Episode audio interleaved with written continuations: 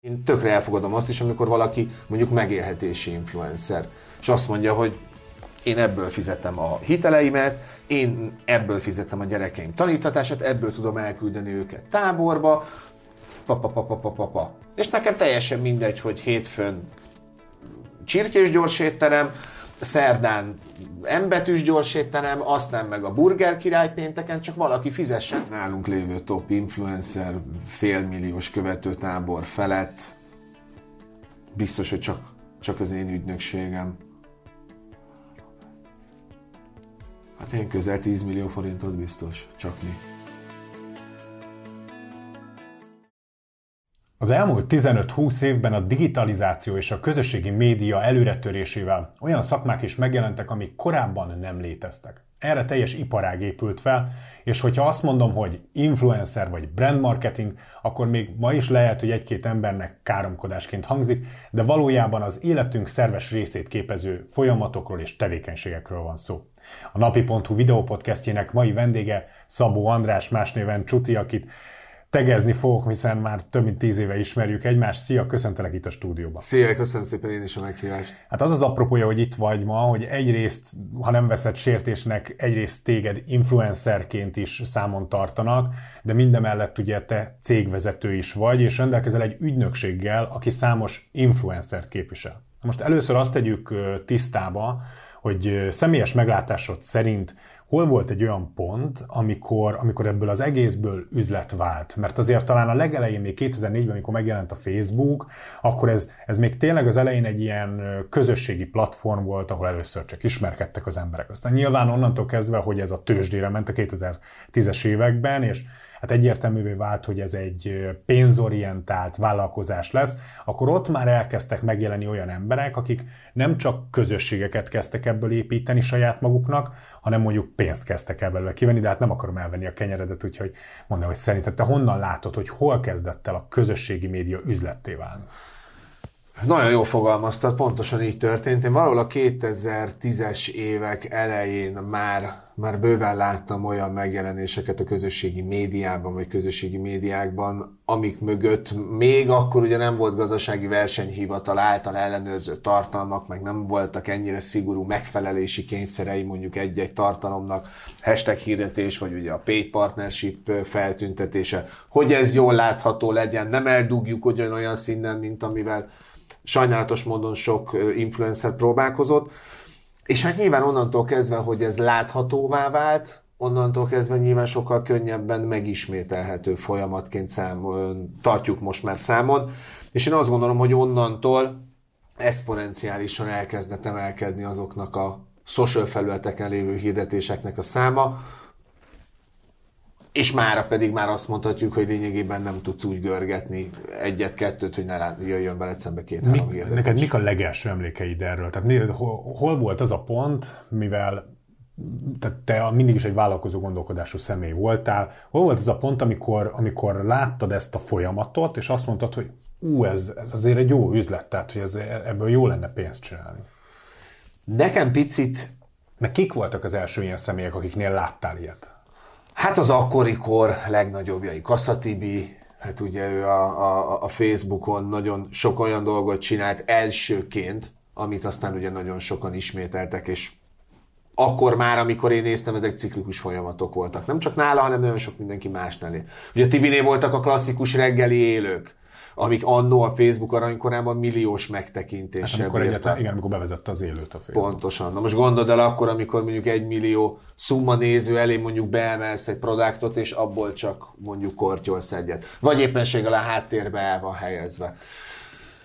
Ezek nagyon-nagyon-nagyon jól működtek. Ma már tudjuk, hogy azért ugye milyen szabályozásokat vezettek be azóta. Ma már egyik platformon sem éred el a teljes követő táborodat, hogyha nem boostolsz. A hirdetések nyilván alapvetően vannak egy picit visszafolytva. Ez ma már egy természetes folyamat. Hogy én mikor láttam ebben üzletet először, már nagyon régen, de nagyon sok mindenben látok üzletet, csak időhiányában nem tudtam őket kivitelezni. Nekem a, a, onnantól kezdve, hogy jött a tévézés, és párhuzamosan mellette egy, egy, egy alkutcégnek voltam a régi igazgatója, akkor engem ebből a pozícióból a tévézés miatt kedről szerdára eltávolítottak. Tehát alá kellett írnom egy papírt, hogy, hogy, hogy ennek itt akkor hirtelen vége. nem volt egy korrekt lépés, viszont nyilván, ahogy te is mondtad, vállalkozó szellemű srác vagyok, ebből adódóan rögtön ki kellett találnom valamit, amivel le tudom kötni az időmet, és amiben azt gondolom, hogy tudok értéket teremteni, és akkor jött a gondolat, hogy akkor csináljunk egy olyan marketing ügynökséget, ami foglalkozik mindennel, beleértve az influencer marketinget is, de semmiképp ne csináljunk egy ugyanolyan céget, mint amiben mondjuk 154 másik van a magyar piacon, és akkor szépen elkezdtem ezzel napi szinten foglalkozni, és ma már, ma már nem szembe jönnek velem a hirdetések, hanem bizonyos esetben generálom őket. Egy szakma szerinted az influencerkedés? Tehát ma már kijelentető az, hogy ez egy olyan munka, mint hogyha valaki mondjuk autószerelő lenne, vagy pedig mondjuk egy bolti eladó, tehát hogy ez egy kijelentetően egy szakma, és vannak ugyanúgy hátulütői, vannak velejárói, tanulni kell, érteni kell hozzá, képezni kell magad. Hát ha úgy definiáljuk a szakmát, mint ahogy te most definiáltad, akkor igen.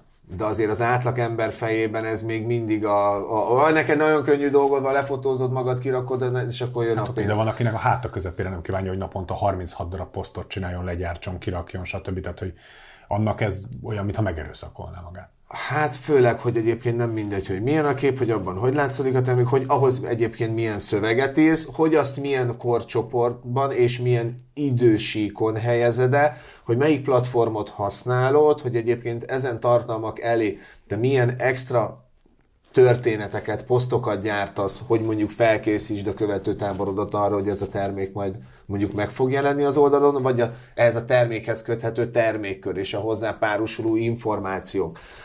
Úgyhogy azért ez lehet nagyon komplex, és én igen, azt gondolom, hogy ez, ez, ez lehet egy szakma, hogyha megnézzük például, hogy milyen mértékben jönnek elő újabb és újabb influencerek, aztán ez is szerintem egy egész estés beszélgetés lehet, hogy neked ki az influencer, nekem ki az influencer, vagy éppenséggel a nézőknek ki az influencer, de erről most ne is beszéljünk. Üm, rengeteg hátulütője van, nyilván azzal, hogy te bármilyen tartalmat kiteszel, onnantól kezdve egy, egy olyan populáris csoport és egy olyan ö, ö, léptékű és mértékű ember áradat tudja majd ezt elemezni, boncolgatni, és ma már ott tartunk, hogy belekötni, amivel neked szembesülnöd kell majd akkor, amikor kilépsz a gyakorlati szintére. Elméleti síkon ez egy nagyon egyszerű folyamat lehet, azonban ez a gyakorlatban rohadtul nincs így. Ha például megnézzük, hogy mi milyen itinerek mentén készítetjük el ezeket a tartalmakat, hogy a vizuális megjelenésnek is ma már például a Social Guru-nál van brief, egyértelműen a content marketingre szintén van brief. Tehát ennek az egésznek azért nagyon, nagyon kerek egészet kell alkotni ahhoz, hogy a végén a megrendelő mondjuk újra rendelje azt az influencert, vagy újra rendelje a szolgáltatást, vagy újra együtt dolgozzon veled. Úgyhogy lehet ezt nagyon egyszerűen is csinálni, amikor közvetítesz influencereket, marha egyszerű, jön az igény, kiküldöd, van egy nagy csoport, nézd, ők 38-an jelentkeztek, válasz ki, hogy kivel akarsz együtt dolgozni, de én azt gondolom, hogy ezek a cégek nem végeznek marketinget, hanem közvetítenek egy igényre egy bizonyos adatbázist, amiből a cég majd dolgozik. Szerinted mi az a pont, ahonnan már mondjuk eladható termékként vagy influencerként lehet tekinteni valakire. Tehát ti például honnantól kezdtek el foglalkozni valakivel, és azt mondani, hogy rendben, őt már bizonyos munkákra kiajánljuk, vagy kiközvetítjük valaki számára. Ez követő számhoz van elsősorban kötve, valami, hogy mérik az ismerettséget, mi az a pont, amitől már tényleg valakit azt lehet mondani, hogy rendben, ő egy üdítő reklám, egy üdítőt reklámozzon.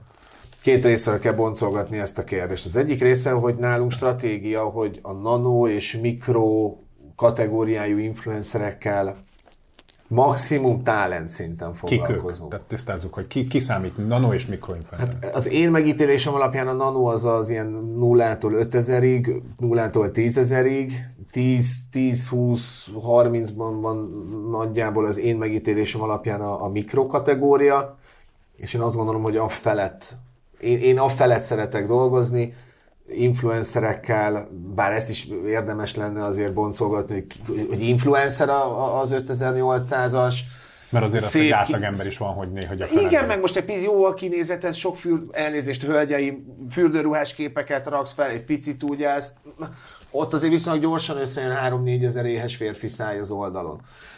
Um, tapasztalás szintjén is azért, hogyha megnézzük, igazán komoly produktumot azért a nagyobb vételű kampányokba tesznek bele az influencerek. Tehát azért nagyjából ott valahol ilyen 10-20-30 ezeren elválik a borsó a héjától, hogy te képes vagy mondjuk tartani ezt az íramot, képes vagy megfelelni mondjuk bonyolultabb tartalom elvárásoknak is, mert azért nagyobb lélegzetebb kampányoknál azért nagyon komoly megkötések vannak. Tehát, tehát én nagyon szeretem ezeket az együttműködéseket, mert nagyon sok mindenre lehetsz hatással.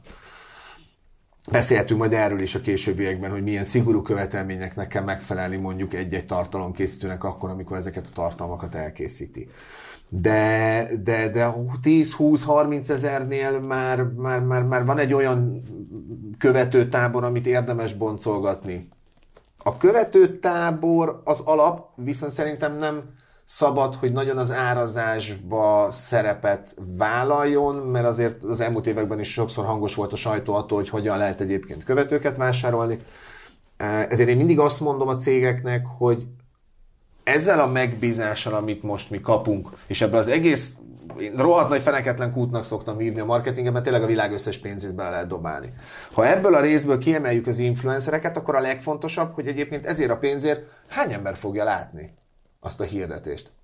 Tehát nyilván ezt alapvetően a követőtáborból számoljuk ki, de, de mi például elérés garanciát is tudunk biztosítani a megrendelőknek, hogy ugyanúgy, ahogy mondjuk egy, egy Google Ads-nél el tudja dönteni, hogy egy-egy szóra való keresés hány forintba kerül, itt az influencereknél is ma már ha kellő idő és energia és apparátus van rá, akkor az ügyfél már nagyon a folyamat, a folyamat nagyon elején láthatja, hogy egyébként ő elköltött X pénzből mekkora megtekintést fog majd kapni. Aztán ezt a megtekintést még tovább, boncolt, tovább lehet boncolni, hogy milyen age range-be kapja a megrendelő azt a megtekintést. És például erre is időt és energiát kell fordítani, hogy hogy lehet, hogy a csutit követik majdnem 300 ezeren, de például a 13-17 éves korosztályban nekem, nekem ilyen 11-3 százalékos a megtekintésem. De nyilván nekem van egy átlagáram. Ha hozzám valaki bejön egy igen igényel, hogy ő egy nem tudom én fiatalos üdítőitalt szeretne mondjuk reklámozni, akkor én saját magam fogom feltenni a kezem, hogy én nem szeretnék ebbe a kampányba részt venni, mert nem fogom hozni azokat a számokat, feltehetően azokat a megrendelés számokat, amiket egyébként a megrendelő elvárna mondjuk egy közel 300 es influencer. A piacon minden influencer ilyen morális érzékkel rendelkezik, vagy van, aki Miért most Költői a kérdésem. Nem.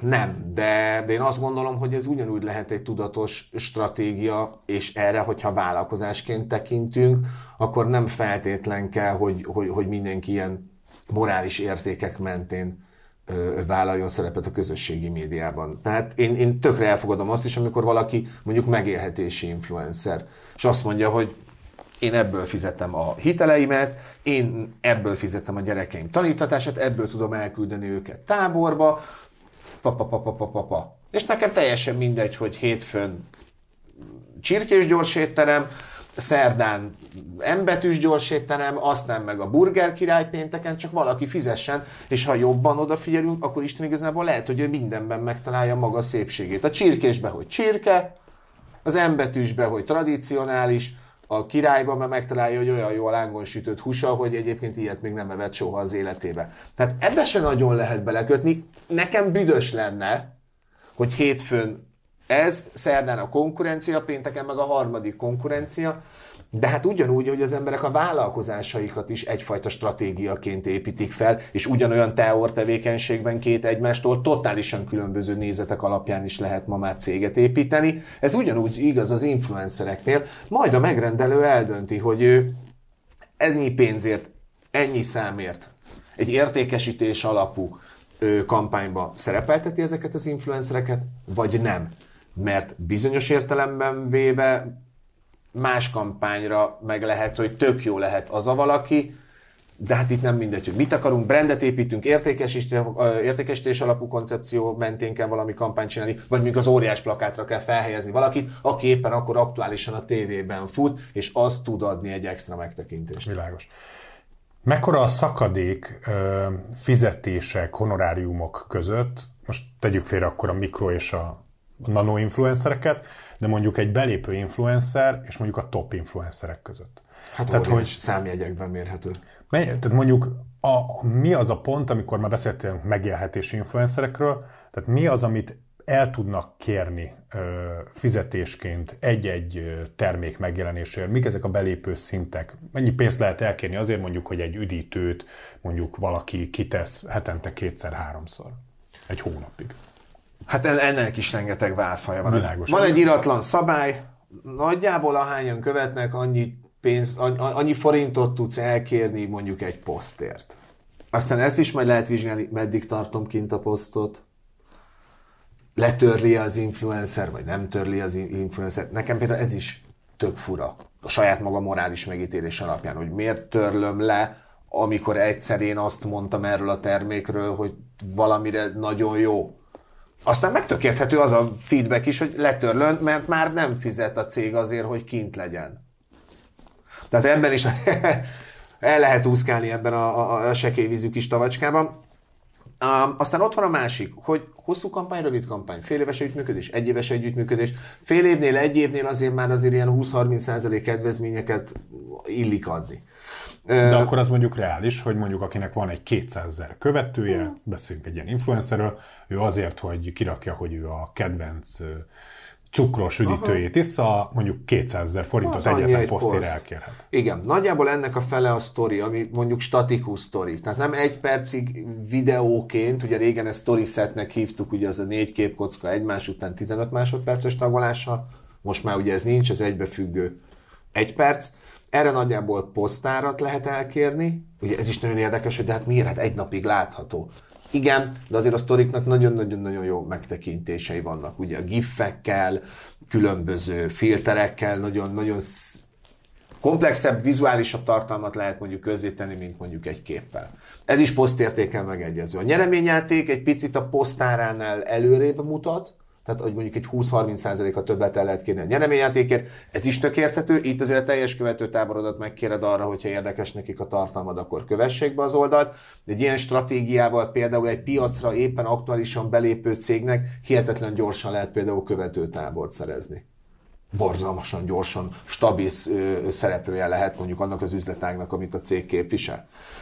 És akkor van még az élő, ezt általában ugye a poszt meg a statikus sztoriár közé szokták beszorítani, aztán jön az ügynökség.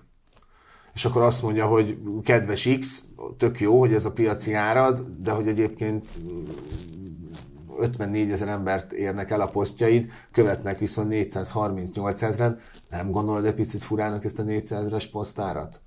És akkor egy mondja az influencer, hogy nem, nekem ennyi az ára, a másik cég is kifizet. És akkor te ügynökségként azt mondod, hogy oké, okay, tessék, itt van a tárcán, tessék fogyasztani az influencert, vagy mi akkor azt mondjuk, hogy oké, okay, akkor lehet, hogy mi ebből a 400 ezer forintból bevonok 3 50-60 ezrest, és csinálok 120-130 ezeres megtekintést a megrendelőnek, tehát meg két és fél szerezem esetlegesen ezeket a megtekintés számokat, amikből te feltételezed, hogy nagyobb arányban történik vásárlás, vagy mondjuk egy brandépítésnél értelemszerűen azzal, hogy több ember látja, komplexebben és gyorsabban épül a brand. És mennyit kereshetnek a top influencerek ma Magyarországon? Itt tényleg milliós havi Absz, fizetéseket persze. tudnak csak az influencer tevékenységükből eltenni havonta? Egy-egy kampányra is. Tehát bizonyos cégek... Név, név nélkül tudsz konkrét példát mondani mondjuk az elmúlt évből? A top? Hát igen, hogy a top influencereknek mennyi pénzt közvetítettek ti akár egy-egy kampányon keresztül? Tudok. Tudok. Nálunk lévő top influencer félmilliós követőtábor felett biztos, hogy csak, csak az én ügynökségem.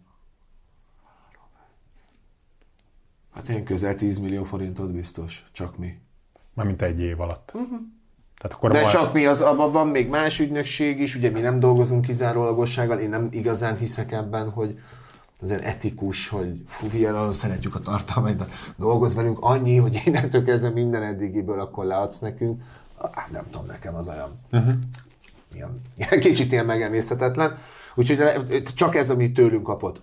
Lehet, hogy voltak olyan, sőt, biztos, hogy voltak olyan kampány, amit saját maga intézett, amikor a cég őt keresi meg. Közvetlenül. Aha, meg biztos, hogy volt számos olyan is, amit mondjuk más ügynökség közvetített neki. De itt is például simán előfordulhat, hogy, hogy én mondjuk nem adom neki, nem adom meg neki azt az árat, amit ő kér, pont az iménti topik elemzése közben elmondottak miatt, hogy nem jár, nem jár jobban veled a cég ebben a kampányban, mint mondjuk három közepesen megtekintésben. Más kérdés, amikor a cég azt mondja, hogy de nekem az ő arca kell, mert brandet építek, és a 350-60 ezerest nem ismerik globálisan, csak a social Úgyhogy itt is eképpen majd a kampányokat úgy is értelmezni kell, hogy ki a jó mondjuk értékesítésre, ki a jó brandépítésre, és még azon belül milyen termékkörben néha teljesen szürreális dolgokat kérnek a megrendelők.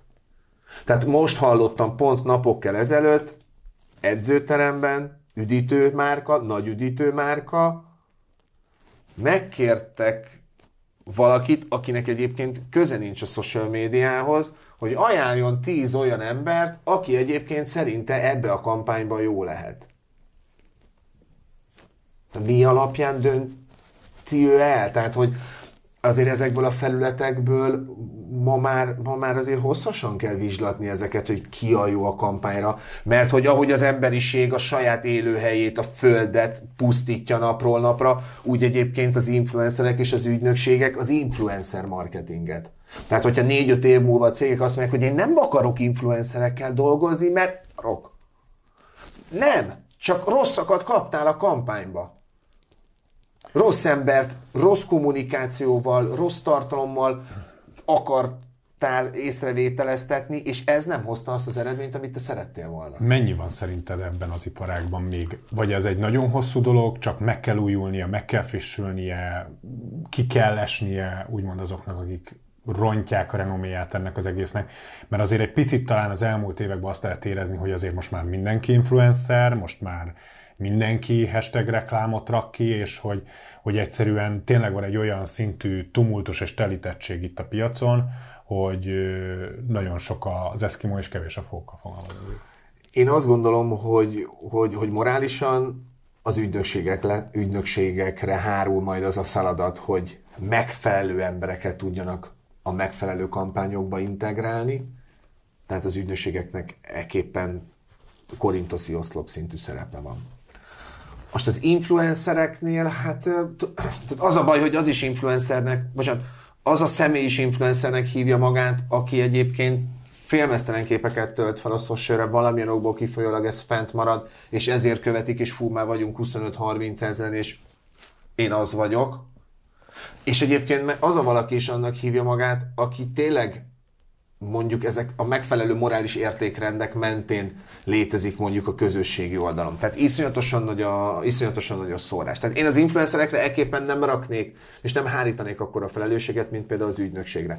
Én azt gondolom, hogy egészen addig, amíg árérték arányban az influencerek jobban tudnak dolgozni, mint mondjuk egy tévéreklám, egy rádiós hirdetés, egy óriás plakát, egy social hirdetés, vagy bármilyen egyéb marketing tevékenységről beszélünk, addig ennek van jelene és van jövője. Onnantól kezdve, hogy te már sokkal olcsóbban kapod meg mondjuk a tévés hirdetéseket, vagy az imént említett felületeket, ott már biztos a megrendelő is el fog gondolkodni, hogy akarok-e én egy influencert, a kampányomba, mert azért valljuk meg őszintén, ahogy influencer integrálódik a kampányba, onnantól kezdve nem nagyon tudod kivédeni azt, hogy valamilyen negatív komment érkezzen rá. Mert hogy influencer, mert neked csak egyszerű dolgod van, neten lerakod a képeket és dől alé, azért ez nagyon nem így van. Csak hát nyilván nem látnak bele, nem látják, hogy az emberek, hogy emögött mennyi munka van. Én azt gondolom, hogy a piac folyamatosan tisztul, de a tisztulásra együtt folyamatosan érkeznek ugye új belépők, jönnek új platformok, jönnek újítások,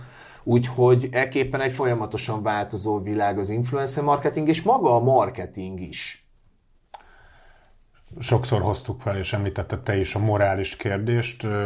Azért ezzel az egész iparággal, magával az influencer jelenséggel folyamatosan együtt jár a nagy kérdés, hogy ennek valamilyen szinten nincs a felelőssége az edukációban és abban, hogy ma minden tizenéves kislány és kisfiú ezeket az embereket bálványozza, és most nem csak a magyar influencerekről beszélek, hanem akkor ugye a nemzetköziekről, akik ugye még nagyobb hatással vannak, még több embert érnek el, hogy, hogy szerinted hol van ebben a felelősség, hol van az edukációs jelleg, és hol van az a pont, ameddig ebből idézőjelesen, mint üzletre kell tekintenie valakinek, és ugyanakkor viszont kell húznia egy olyan vonalat, hogy már pedig igenis ő egy példa, és föl kell fognia azt szellemileg, hogy, hogy amit ő mutat, azt nagyon sokan követik, és, és példaként követik.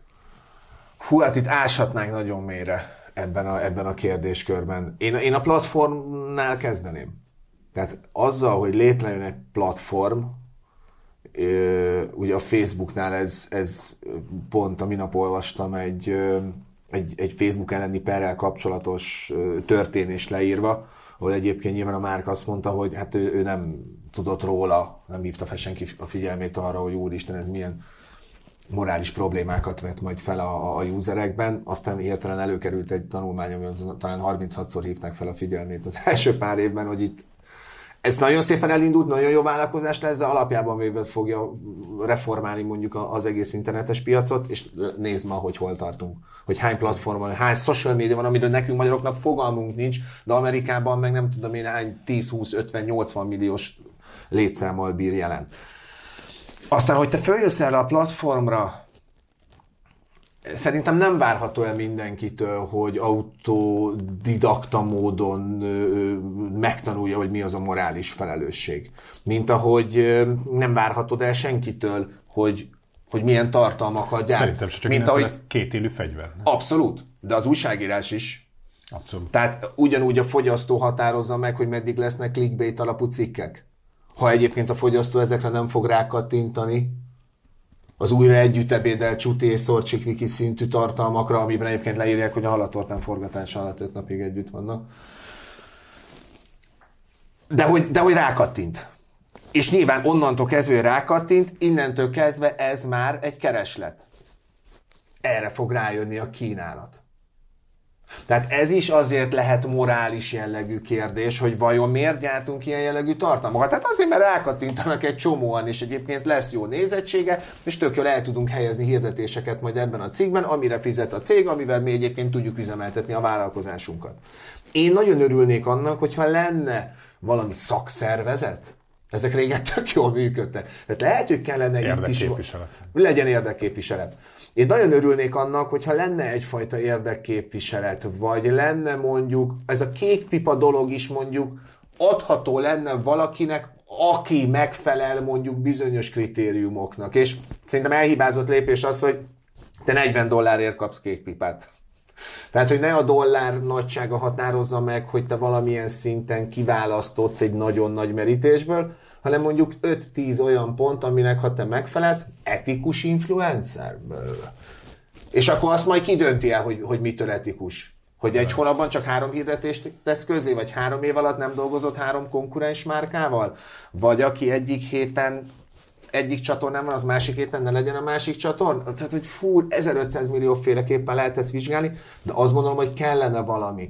De Isten igazából, ha megnézzük, akkor erre ma már van egy gazdasági versenyhivatal, de azért az ő működése sem egy ilyen 1500 oldalas tanulmányon keresztül véghez vitt ügymenet, ők sem tudják egyébként felmerni, felmérni, hogy ki, mikor, milyen téves tartalmat, téves megjelenítést, vagy éppen hiányos megjelenítést tett közé a piacon. Az egyik az iszonyatosan növekszik, ez az influencer társadalom. Az influencer társadalomra folyamatosan gyártják azokat a platformokat, amik üstökösként robbannak be a piacra, de hogy valami jó hírt is mondjak, például a TikToknál ma már nagyon sok országban vizsgálják, ott fel lehet tenni egyébként nyilván a kérdőjelet is, hogy miért pont azokban az országokban, és miért pont azt a platformot, de ez már lehet politikai kérdés, nem menjünk el ebbe az irányba, de mindenképpen jónak gondolom azt, hogy bizonyos életkor alatt, bizonyos platformokon, ahol egyébként mondjuk öngyilkos challenge is vannak, teljesen érthetetlen módon, ne legyen ott 18 év alatti személy. Legyen ez a végszom. Köszönöm, Csati, hogy elfogadtam a meghívást. Önöknek pedig köszönöm a megtisztelő figyelmet, ha eddig nem tették volna, akkor kövessenek minket a Facebookon, illetve más platformainkon is elérnek minket.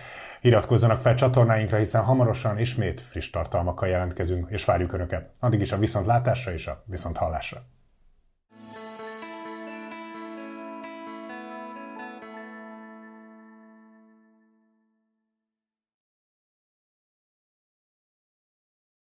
A műsor a Béton partnere.